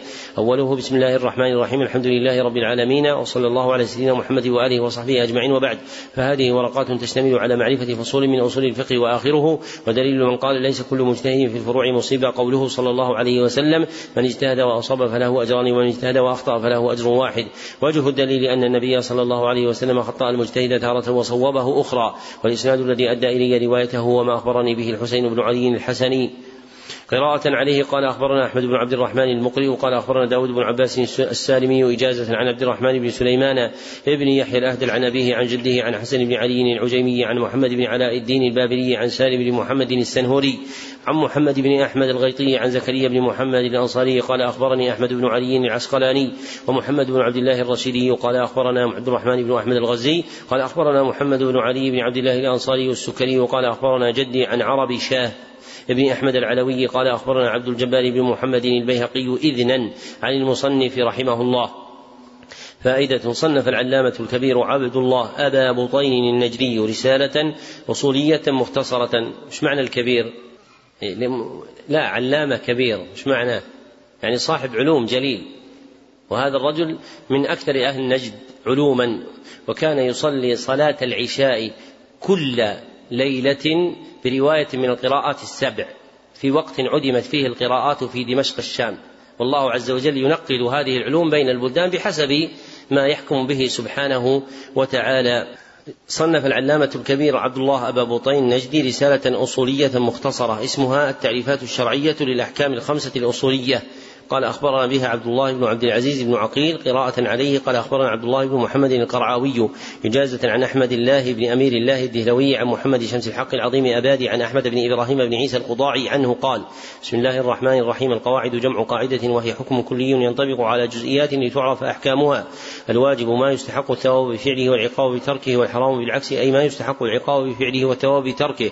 والمندوب ما يستحق الثواب بفعله ولا عقاب بتركه والمكروه بالعكس أي ما يستحق الثواب بتركه ولا عقاب بفعله والمباح ما لا ثواب ولا عقاب في فعله ولا تركه. والفرض والواجب مترادفان خلافا للحنفية وينقسم الواجب إلى فرض عين وفرض كفاية وإلى معين ومخيل وإلى مطلق ومؤقت والمؤقت إلى مضيق وموسع والمندوب والمستحب مترادفان. والمسنون وخص منهما والجائز يطلق على المباح وعلى الممكن وعلى ما استوى فعله وتركه عقلا. وعلى المشكوك فيه والرخصة ما شرع لعذر مع بقاء مقتضى التحريم. والعزيمة بخلافها والاعتقاد هو الجزم بالشيء من دون سكون النفس فإن طابق فصحيح كاعتقاد أن الله مستو على عرشه بائن من خلقه والفاسد عكسه لأنه اعتقاد الشيء على غير ما هو عليه. وقد يطلق الجهل على عدم العلم والدليل ما يمكن التوصل بصحيح النظر فيه إلى العلم بالغير وهو المدلول. وأن وأما ما يحصل عنده الظن فهو ما قد يسمى دليلا توسعا والأصل ما يبنى عليه غيره. والفرع عكسه والفقه معرفة الأحكام الشرعية التي طريقها الاجتهاد والمسنون ما لزمه النبي صلى الله عليه وسلم أو أمر به مع بيان كونه غير واجب. وقد تطلق السنة على الواجب نحو عشر من السنة والمجاز هو الكلمة المستعملة في غير ما وضعت له في اصطلاح التخاطب لعلاقة مع قرينة وهو نوعان مرسل كاليد للنعمة والعين للرؤية واستعارة كالأسد للرجل الشجاع وقد يكون مركبا كما يقال للمتردد في أمر ما. أراك تقدم رجلا وتؤخر أخرى وقد يقع في الإسناد مثل جد جده والاستيفاء الكلام في ذلك فن آخر. وإذا تردد الكلام بين المجاز والاشتراك حمل على المجاز ويتميز المجاز من الحقيقة بعدم اضطراده وصدق نفيه وغير ذلك. والحقيقة هي الكلمة المستعملة فيما وضعت له في اصطلاح التخاطب والتأويل. صرف اللفظ عن حقيقته إلى مجازه أو قصره على بعض مدلولاته. لقرينة به اقتضتها وقد يكون قريبا فيكفي فيه أدنى مرجح أو بعيدا فيحتاج إلى الأقوى. ومتعسفا فلا يقبل. والاجتهاد استفراغ الفقيه الوسع في تحصيل ظن بحكم شرعي والفقيه من يتمكن من استنباط الأحكام الشرعية عن أدلتها وأماراتها التفصيلية وإنما يتمكن من ذلك من حصل ما يحتاج إليه فنه من علوم الغريب والأصول والكتاب والسنة ومسائل الإجماع والتقليد وهو اتباع قول الغير من دون حجة ولا شبهة. ولا يجوز التقليد في الأصول ولا في العلميات ويجب في العملية المحضة الظنية والقطعية. على غير المجتهد ولا يجوز له تقليد غيره مع تمكنه من الاجتهاد ولو أعلم منه ولو صحابيا. ولا فيما يخصه ويحرم بعد أن عن اجتهد اتفاقا انتهى والله سبحانه وتعالى أعلم. الإسناد الذي يؤدى به إلى المتلقي كتاب تفسير الفاتحة وقصار المفصل هو من تصنيف جامع هذا ثبت أوله بسم الله الرحمن الرحيم الحمد لله خالق كل شيء فقد الحمد لله خلق كل شيء فقدره تقديرا. وأنزل الكتاب ليكون للعالمين نذيرا وصلى الله على عبده ورسوله محمد المبعوث داعيا إلى الله بإذنه. وسراجا منيرا وعلى آله وأصحابه وسلم تسليما كثيرا. وآخره فالخناس هو المتأخر المندفع إذا ذكر العبد ربه واستعاذ به في دفعه. ومحل وسوسته صدور الخلق من الجنة والناس. فائدة جميع السور المفسرة في هذا الكتاب هي في أشهر الأقوال مكية. سوى ثلاث سور هي البينة والزلزلة والنصر فمدنية. وللعلامة الحصار نظم جزل آخره بيت ذائع الصيت. أنشدناه علي بن أحمد الكامي الفقيه من لفظه عن ظهر قلب. قال أخبرنا صالح بن عبد الله الصديقي العمودي إجازة. عن محمد بن عبد الرحمن الأهدري عن محمد بن أحمد الأهدري عن محمد بن علي السنوسي عن عبد الحفيظ بن درويش العجيمي عن محمد بن عبد الغفور السندي عن عيد بن علي النمرسي عن محمد البهوتي البهوتي عن عبد الرحمن البهوتي عن محمد بن عبد الرحمن العلقمي عن أخيه إبراهيم عن عبد الرحمن بن أبي بكر السيوطي عن نشوان بنت عبد الله الكنانية عن إبراهيم بن أبي بكر السلار عن عبد المؤمن بن خلف الدمياطي عن عبد العظيم بن عبد القوي المدري عن علي بن محمد الخزرجي المعروف بالحصار قال يا سائلي عن كتاب الله مجتهدا وعن ترتب ما يتلى من السور وكيف جاء بها المختار من مضر؟ صلى الإله على المختار من مضر. وما تقدم منها قبل هجرته وما تأخر في بدو وفي حضر ليعلم النسخ والتخصيص مجتهد يؤيد الحكم بالتاريخ والنظر تعارض النقل في أم الكتاب وقد تؤولت الحجر تنبيها لمعتبر. أم القرآن وفي أم القرى نزلت تنبيها لمعتبر. أم القرآن وفي أم القرى نزلت ما كان للخمس قبل الحمد من أثر وبعد هجرة خير الناس قد نزلت عشرون من سور القرآن في عشر فأربع من طوال السبع أولها وخامس الخمس في الأنفال ذي العبر وتوبة الله إن عدت فسادسة وسورة النور والأحزاب ذي الذكر وسورة لنبي الله محكمة والفتح والحجرات الغر في غرر ثم الحديد ويتلوها مجادلة والحشر ثم امتحان الله للبشر وسورة فضح الله النفاق بها وسورة الجمع تذكار لمدكر وللطلاق وللتحريم حكمهما والنصر والفتح تنبيها على العمل هذا الذي اتفقت فيه الرواة له وقد تعارضت الأخبار في أخر فالرعد مختلف فيها متى نزلت وأكثر الناس قالوا الرعد كالقمر ومثلها سورة الرحمن شاهدها مما تضمن قول الجن في الخبر وسورة للحواريين قد علمت ثم التغابن والتطفيف ذو النذر وليلة القدر قد خصت بملتنا ولم يكن بعدها الزلزال فاعتبري وقل هو الله من أوصاف خالقنا وعوذتان ترد الباس بالقدر وذا الذي اختلفت فيه الرواة له وربما استثنيت آي من السور وما سوى ذاك مكي تنازل مكي تنزله فلا تكن من خلاف الناس في حصر فليس كل خلاف جاء معتبرا إلا خلاف له حظ من النظر. هذا البيت الأخير مشهور شهرة الشمس في رائعة النهار. المكرمة الثالثة المكرمة الثالثة وفيها الأسانيد التي تؤدي إلى المتلقي كتب صلة المهمات بالسماع. الإسناد الذي يؤدى به إلى المتلقي كتاب المقدمة الفقهية الصغرى هو من تصنيف جامع هذا الثبت أوله بسم الله الرحمن الرحيم الحمد لله الذي فقه خير عباده في الشرائع وأوصل إليهم بفضله بدائع الصنائع وصلى الله وسلم على رسوله محمد وعلى آله وصحبه ومن لهديه تجرد وآخره ومن شك في ركن أو عدد ركعات وهو في الصلاة بنى على اليقين وهو الأقل وسجد للسهو وبعد فراغه منها فلا أثر للشك.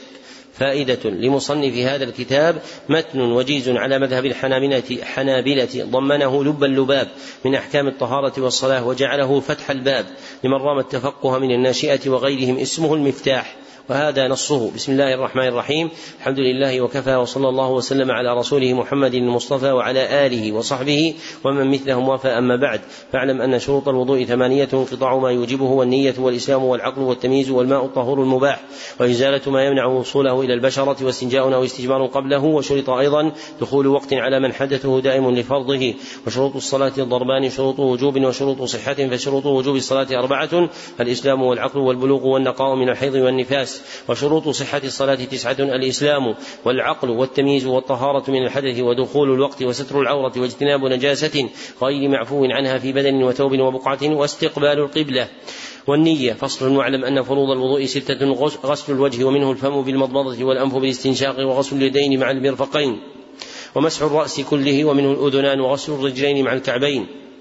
والترتيب بين الأعضاء والموالاة وأركان الصلاة أربعة عشر قيام في فرض مع القدرة وتكبيرة الإحرام وقراءة الفاتحة والركوع والرفع منه والاعتدال عنه والسجود والرفع منه والجلوس بين السجدتين والطمأنينة والتشهد الأخير والجلوس له والتسليمتين والتسليمتان والترتيب بين الأركان فصل.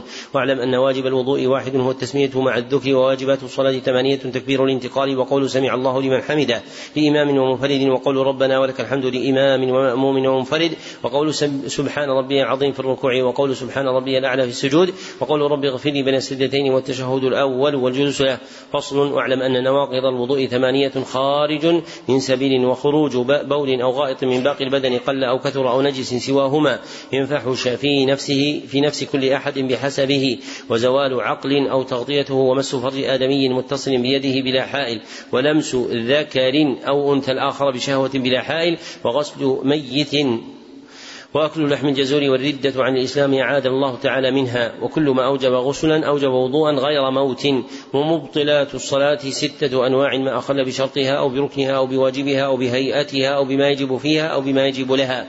الإسناد الذي يؤدى به إلى المتلقي كتاب خلاصة تعظيم العلم هو من تصنيف جامع هذا الثبت. أوله بسم الله الرحمن الرحيم. الحمد لله المعظم بالتوحيد وصلى الله وسلم على عبده ورسوله محمد المخصوص بأجل المزيد.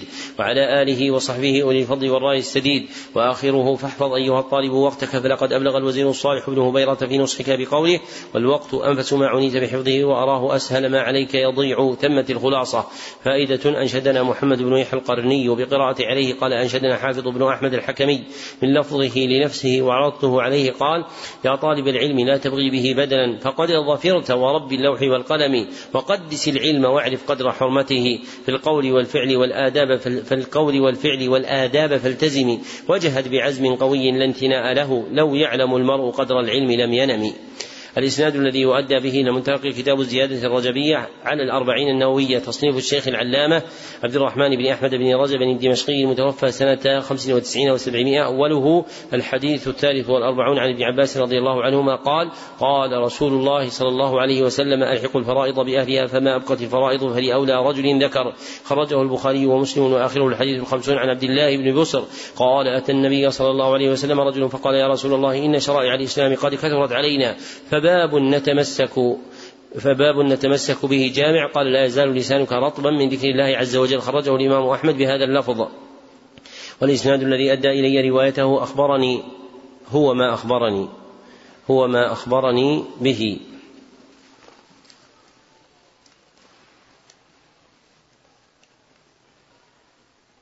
هو ما أخبرني به. شريف الإسلام ابن سيد علي السلفي. قراءة عليه قال أخبرنا عبد الستار بن عبد الوهاب الدهلوي إجازة عن أبيه.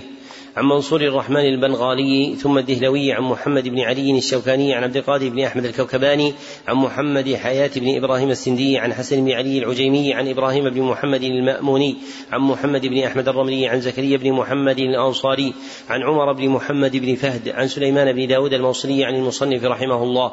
فائدة أصل الأربعين النووية مجلس أملاه أبو عمرو بن الصلاح يسمى الأحاديث الكلية. ثم زاد عليه النووي ما زاد وأودعها مع زيادته كتابه الأربعين ثم زاد عليه ابن رجب زيادته المذكورة. وصنف شيخ شيوخنا ابن سعدي كتابا أكبر قصد فيه ما قصده هو جوامع الأخبار. وله عليه شرح نفيس اسمه بهجة قلوب الأبرار. وهذه الكتب الحديثية هي الحقيقة بالعناية في الابتداء لمن رام درايته وفقه معانيه ولي كتاب دونهن حجما فيه عشرة أحاديث جوامع اسمه اللوامع من الأحاديث الجوامع. قرنت فيه الأحاديث بكبار مقاصدها المرادة. الإسناد الذي يؤدى به إلى المتلقي كتاب خلاصة مقدمة أصول التفسير هو من تصنيف جامع هذا الثبت. أوله بسم الله الرحمن الرحيم ربي يسر وأعن برحمتك. الحمد لله نستعينه ونستغفره ونعوذ بالله من شرور أنفسنا ومن سيئات أعمالنا. من يهده الله فلا مضل له ومن يضلل فلا هادي له وآخره وهذا هو الواجب على كل أحد. فإنه كما يجب السكوت عما لا علم له به فكذلك يجب القول فيما سئل عنه مما يعلمه. لقوله تعالى لتبيننه للناس ولا تكتمونه ولما جاء في الحديث المروي من طرق من سئل عن علم فكتبه ألجم يوم القيامة بلجام من نار والله أعلم. فائدة اسم الأصل المختصر ابتكره ناشره الأول من آل الشط من حنابلة دمشق ثم تتابع عليه الناس. وفي كلام ابن القيم تلميذ المصنف في مدارج السالكين أنه بعث إليه في آخر عمره قاعدة في التفسير بخطه فلعلها هذا الكتاب والله أعلم. الإسناد الذي يؤدى به إلى المتلقي كتاب نظم الآجرومية. هكذا هو سماها. تصنيف العلامة محمد بن أبا بن حميد المزمري المتوفى سنة ستين بعد المئة والألف أوله بسم الله الرحمن الرحيم. قال ابن أبا واسمه محمد الله في كل الأمور أحمد مصليا على الرسول المنتقى وآله وصحبه ذوي التقى وبعد فالقصد بذا المنظوم. تسهيل من تريد ابن آج الروم وآخره قد قد تم ما أتيح لي أن أنشئه. في عام عشرين وألف ومائة بحمد ربنا وحسن عونه ومنه ورفده وصونه منظومة رائقة الألفاظ فكل ما حوته ذا استيقاظ جعلها الله لكل مبتدي دائمة النفع بجاه أحمد. والإسناد الذي أدى إلي روايته هو ما أخبرني به محمد بن زين العابدين. الكنتي قراءة عليه قال أخبرنا بابا أحمد بن التاي الكنتي. قال أخبرنا محمد بن مختار بادي. هذا الذي بين قوسين هذه ألقابهم هم بالألقاب أشهر منهم بالأسماء. ابن مختار بادي ابن أحمد باي ابن محمد بن المختار الكنتي. قال أخبرنا ابن عمي ما حمد فتحا. إذا وجدت كلمة محمد وبعدها فتحا معناها ما حمد.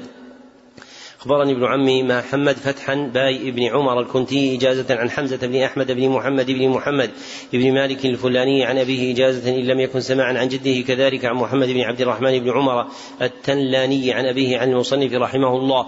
حاء وقال حمزة أيضا أخبرنا محمد بن عبد الكريم البلبالي إجازة عن محمد عبد العزيز بن محمد بن عبد الرحمن البلبالي عن أبيه عن عبد الرحمن بن عمر التلالي عن المصنف رحمه الله. حاء وقال شيخنا وأخبرنا به عاليا درجة عمي الأمين بن أحمد البكاي الكنتي. قال أخبرنا ابن عمي محمد فتحا باي بن عمر الكنتي إجازة بالإسناد المتقدم فائدة لابن أب مزيد اعتناء بالمقدمة الآج الرامية فله ثلاثة تآليف منظومة عقد فيها معانيها. هذا أحدها وثانيها كشف الغموم. وثالثها نزهة الحلوم وهو وهي حقيقة بالتقديم على سواها من منظومات المقدمة الآج الرامية لكمال الاعتناء وبراعة الإنشاء. الإسناد الذي يؤدى به إلى المتلقي كتاب الرتبة نظم النخبة تصنيف شيخ العلامة محمد بن محمد بن حسن الشمني. المتوفى سنة إحدى وعشرين وثمانمائة أوله بسم الله الرحمن الرحيم. الحمد لله العظيم القادر مرسل سيد الأنام الحاشر يبشر المطيع بالثواب وينذر العاصي بالعقاب. صلى وسلم عليه الله ما نطقت بذكره الأفواه. وآخره قد انتهى النظم لتلك النخبة فالحمد لله ولي النعمة وأفضل الصلاة والتحية على محمد نبي الرحمة وآله وصحبه الأطهار من المهاجرين والأنصار.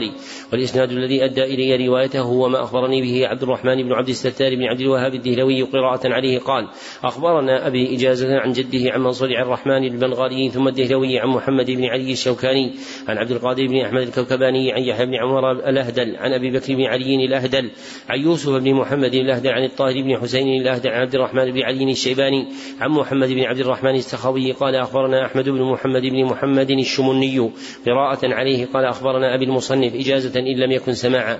فائدة هذا النظم هو أقدم منظومات نخبة الفكر وأولاها بالعناية وشهر بين المتأخرين غيره لعدم اطلاعهم عليه. الإسناد الذي يؤدى به إلى المتلقي كتاب منح الفعال في نظم ورقات أبي المعال تصنيف العلامة محمد بن المختار بن أحمد الكنتي المتوفى سنة سبعين بعد المئتين والألف أوله. بسم الله الرحمن الرحيم. حمدا لمن فرع الهدى من أصل إحسانه ومنه والفضل ثم صلاته على من أصل. وأجمل الدين ومنه فصل. ومهد القواعد الشرعية. لرص ما يبنى من الفرعية وآخره وتم ما قصدته وجاء كما أشاء. ووافق الرجاء محكما مقتضيا مني مزيد الشكر فالشكر لله إنهاء الكثر والإسناد الذي أدى إلي روايته هو ما أخبرني به محمد بن زين العابدين الكنتي قراءة عليه قال أخبرنا بابا أحمد بن التاي الكنتي قال أخبرنا محمد بن مختار أخبرنا يعني إيش؟ قراءة عليه لأن هذا عندهم متن مقرر في التعليم قال أخبرنا محمد بن مختار بادي بن أحمد باي بن محمد بن المختار الكنتي قال أخبرنا ابن عمي ما حمد فتحا باي بن عمر الكنتي قال أخبرنا أخي ما أخي محمد باب الزين. ابن عمر الكنتي قال أخبرنا ابن عمي المختار بابا ابن بابا أحمد بن المختار الكنتي قال أخبرنا عمي المصنف رحمه الله. حاء وقال شيخنا أيضا وأخبرنا إجازة عاليا درجة عمي الأمين. ابن أحمد البكاي الكنتي عن ما حمد فتحا باي بن عمر الكنتي به. فائدة. هذا الإسناد مسلسل بآل بيت المصنف من قبيلة كنتة الإفريقية المنسوبة إلى عقبة بن نافع ولم تزل مشهورة بالعلم منذ قرون متطاولة ومنازلهم في الصحراء العربية الكبرى وهم متفرقون اليوم بين الجزائر ومالي وموريتانيا والنيجر والمغرب. الإسناد الذي يؤدى به إلى المتلقي كتاب معاني الفاتحة وقصار المفصل هو من تصنيف جامع هذا الثبت. أوله بسم الله الرحمن الرحيم. الحمد لله الذي جعل القرآن لكل شيء تبيانا ورزق به من شاء من عباده علما وإيمانا. والصلاة والسلام على رسوله محمد المنزل عليه وعلى آله وصحبه ومن انتمى في الهدى إليه وآخره من الجنة وآخره قوله من الجنة والناس. هذه ليست ساقطة ولكن تقرأ مثل حدثنا عند المحدثين. قوله من الجنة والناس محل وسوسته صدور الخلق من الجن والناس. تنبيه الفرق بين هذا الكتاب وكتاب الآخر تفسير الفاتحة وقصار المفصل أن أولهما في بيان معاني كلماتهما والثاني في تفسير آياتهما.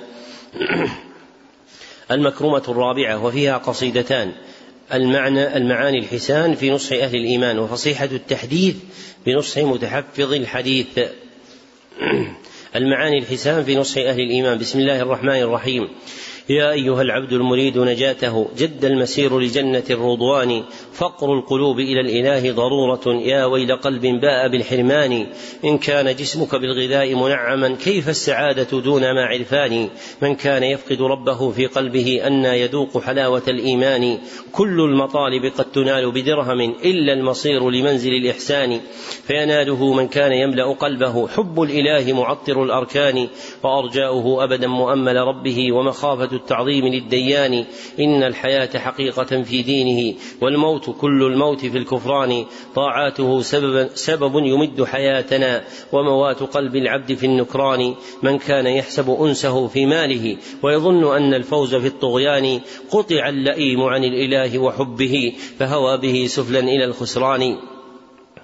سير القلوب إلى الإله يدلها للفوز في الدارين يا إخواني قلب الموحد لا يطوف بكعبة قد دنست بمطالب الإنسان فطوافه شوقا بحضرة قدسه ومنازل تفضي إلى الإيقان.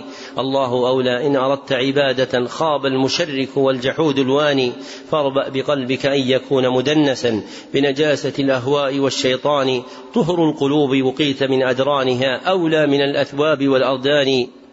نظر الإله إلى القلوب محله لا صورة كلا ولا للفاني فإذا أردت سلامة من لومة في لبسة أو شمة الأنتان فاخشى الإله بأن يراك موسخا في لجة تغلي من العصيان واطلب هديت منازلا تعلو بها فوق العباد بجنة الرحمن إن فات زوج أو تلقف لقمة ما فات إلا منعم الحيوان. خسر الخليقة أن تكون بمعزل عن ملة التوحيد والإيمان. هذا الطريق إلى الإله فشمروا. لا تحبسوا في خندق الحرمان.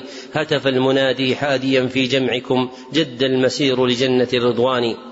القصيدة الثانية فصيحة التحديث بنصح متحفظ الحديث وهي قصيدة عامة نظمتها قبل بضعة عشر سنة لبيان الجادة السوية في حفظ الحديث وليست مخصوصة بالنظر إلى أحد. قال بسم الله الرحمن الرحيم. يا من يروم الحفظ للحديث لا تتبعا طريقة الحديث حين ابتدى في الحفظ بالمطول ولم يكن في سيره كالأول. فالأربعين أولا لم يحفظوا وعمدة لديهم لا تحفظ. كذلك البلوغ والرياض ما أهملوا ما دونه أعواض لأنها جامعة أصل السنن وأخذنا بها يوضح السنن. فحافظ المروي في الصحيح ليس يحيط النصف بالتصريح.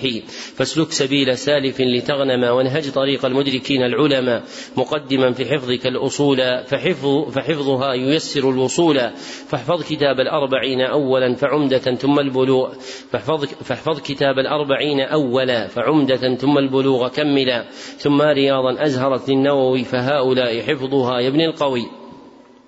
وما بها من خلل أصلحته في كتب تأليفها أبحته فأول للأربعين مصلح وبعده بالخير ثاني مفصح ململما لعمدة مع البلوغ وميزه بالاسم مرتقى النبوغ وثالث مقدم لمن رقى زوائدا من الرياض تنتقى وبعدها يؤهل الطلاب للحفظ في الستة ذا الصواب مع اتباع منهج الزوائد في ضبطها التحقيق للفوائد إما مع التجريد دون السند أو معه الإسناد جاك المسند منستقا كأصله إن جرد مرتبا كمسند إذ أسند.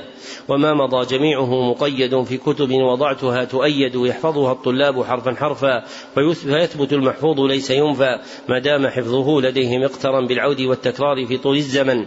أما الذي يستعجل التحصيل مآله النسيان أحصل قيلا. وقدم القرآن ثبت حفظه من قبلها وأتقنن لفظه. ولتقصدا في أول المسير لحفظ متن جامع قصير. في كل فن من فنون الخيرة فهذه السبيل فعل المهرة فما رأوا محصلا طول القرون يستفتح الحفظ بآخر المتون. فإن تكن متبعا فمن سلف أولى بالاتباع من كل خلف. ما قدموا في حفظهم للستة ولا يرى ما قدموا في حفظهم للستة ولا يرى لديهم ذا البتة بل حفظوا في أول الأعصار بنسخ, بنسخ الشيوخ والأمصار فهان عند ذاك حفظ السند إذ بينوا مداره فاعتمدي كمالك عن نافع رواه عن شيخه مولاه قد نماه. رووا به من الحديث جملا في نسخة بها الصحيح حملا. حتى إذا ما وضع التصنيف واشتهر التدوين والتأليف قل الاعتناء بحفظ السند إذ أمن التصنيف نقل المسند واشتغلوا بالحفظ للمتون فجردوا المنقول في الفنون ونوعوه جامعا أو مختصر وأخرجوا من لبه نسق الدرر. فلم تزل عمدهم والمرتضى الأربع الغرو وذكرها مضى. فسر على الذي عليه سار من طوف البلدان والأقطار. اللي ساروا طوف البلدان والأقدار يعني المهرة الذين أشرنا إلى أن هذه جادتهم. فسر على الذي عليه سار من طوف البلدان والأقطار وثافن الأشياخ والأكابر وحصل الأصول والمفاخر ولا تدم بقالة عصرية ولا تدم بقالة عصرية بحدها الإزهاق للبرية. حسن ختام ونهاية كلام. أجاز لمن حضر برنامج مهمات العلم ولو يسيرا إجازة عامة جماعة ممن أسندت عنهم في هذا الثبت. ذكرتهم مع غيرهم في النفع المتسني المبذول للآخذين عني. إذا أدرك حاضره حياتهم فمن صح له الحضور وتيقن إدراكه حياة المجيزين فله أن يروي عنهم ما صح لهم بأسانيدهم مما ثبت لديه. مع التحذير من بليتين واقعتين. إحداهما الاغترار بكثير مما كتب في أسانيد هؤلاء وغيرهم دون تمييز مما ولد الأسانيد المركبة والسلاسل المخبطة فأكثر ما تراه في كتب الرواية عند المتأخرين وهم وغلط. وفيهم من يركب الأسانيد بل يخلق من الشيوخ من لم يخلقه الله ولا كان والله المستعان. فستجد مثلا من روى عن شيخنا عبد الرحمن الملا عن عبد الرؤوف بن حسن الكوراني بأسانيد عالية وهذا رجل ادعاه بعض المشتغلين بالرواية قديما وهو مختلق لا وجود له. فأهل البيت الذين نسب إليهم هذا الرجل لم يسمعوا به ولا هو مثبت في مشجرة نسبهم وإنما روى شيخنا الملا عن عبد الرؤوف بن عبد الباقي المصري بأسانيده فخلط من خلط بين الرجلين وانتشر الوهم كما أن جماعة أسندوا من قبل عن بعض شيوخهم من طريق عبد الرؤوف الكوراني المخترع طلبا للعلو فازداد الأمر سوءا وثقل الإفهام والتفهيم وعلى الله حفظ الدين وهو ولي المؤمنين. والأخرى التسارع إلى الإسماع والإجازة تحت دعوى نشر سماع العلم والأدب هو الاكتفاء بالشيوخ الكبار. وترغيب الناس في الأخذ عنهم وما عداه فهو قلة معرفة بمسالك الرواية وقطع لطريق الملتمسين سبل الهداية ونتيجته النكدة فوات العلو وإهمال الأخذ عن الأكابر والتشاغل بالأصاغر وتداول الأسانيد النازلة. فإن من تلمد لي صحت له الرواية بحمد الله عن جماعة من الآخذين عن عبد الحي الكتاني صاحب فهرس الفهارس فبينهم وبينه رجل واحد ورأيت إجازة عصرية رأى روى صاحبها عن رجل عن رجل عن رجل عن الكتاني وكل رواتها أحياء وكان حريا بمن أجاز بها أن يروي عن تلميذ الكتاني الموجود في الأحياء لكنه أخذ العلم هو ومن فوقه بلا فهم ولا عقل فغنيمتهم خل وبقل. وإني وقد بلغ القول التمام أذكر الحاضرين والناظرين بما أنشدته موصيا في تحفة الملاطفة في نصح الصحبة الملاطفة وهو قولي الحمد لله على الإيمان ونعمة التوفيق للبيان ثم الصلاة أردفت سلامي على النبي والآل في الدوام وبعد إن هذه ملاطفة قد صغتها للصحبة الملاطفة منسوجة من غير ما تكلف أو عجمة لوثاء أو تعسف. نصيحتي في الله يا إخواني أن تطلبوا العلم بلا تواني وتلزموا في أخذه التأني وتحذروا من زلة التأني. التمني فمن يسر تريثا ينال ما دونه تساقط الرجال ومن يكن معجلا يميل عن مهيع التعليم ذا هزيل فلتدرسوا من المتون ما اشتهر فإنما التحصيل أخذ بالأثر وحاذروا من حصره بما شهر فربما النفاع ليس يشتهر وإنه من يعلم المشهور يزيده أن يعلم المستور ومن رقى في العلم بالتدرج فقد على سابلة التخرج. لا تزجروا من كثرة الإفادة. يعني مثل طول الدرس هذا. فما بقي إلا قليل إن شاء الله. فإنها مع حسنها عبادة أو تجزع لفتية تغيب فحظهم يحوزه الأريب فلتأخذوا من درسنا الغوالي وثافنوا في مثله العوالي ومن يريد أن يترك الدروس فشأنه لن نملك النفوس لكنما ليحذر الإصابة بزيغة الحياة والرتابة فيترك التشمير والتعلم ويلتهي برفقة لن تنعم كم طالب تراه للعلوم مهيئا لجودة الفهوم مضيعا لنفسه لما صحب ولي بطالة إليه من سحب فلم يفق من سكرة المقارنة حتى رأى مقدما من قارنه فيشتم الشيوخ والأحوال وهو الذي بالاختيار مال يا ضيعة الأعمار في سفاهة من صحبة تجني على النباهة. فلتحفظوا نصيحة العصيم فإنها السبيل نحو الريم. ستشرق الأيام بالحقائق ويحمد الخذول عزم السابق.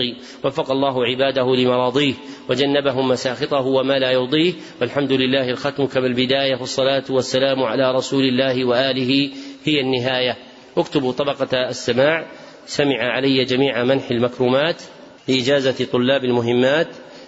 إيش؟ بقراءتي. أو بلفظي على ما عبرنا. من لفظي من لفظي. صاحبنا اكتب اسمك كامل. فتم له ذلك في مجلس واحد بالميعاد المثبت في محله. من نسخته وأجزت له روايته عني إجازة خاصة من معين لمعين في معين. والحمد لله رب العالمين. صحيح ذلك وكتبه صالح بن عبد الله بن حمد العصيمي ليلة الجمعة الرابع من شهر شوال سنة من شهر ربيع أو ربيع ربيع الأول سنة ثلاث وثلاثين بعد الأربعمائة والألف في المسجد النبوي بمدينة الرسول صلى الله عليه وسلم.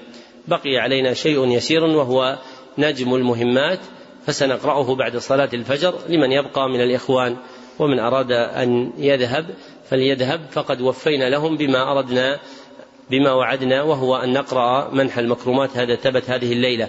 أسأل الله سبحانه وتعالى أن يوفق الجميع ما يحب ويرضى الحمد لله رب العالمين. صلى الله وسلم على عبده ورسوله محمد وآله وصحبه أجمعين.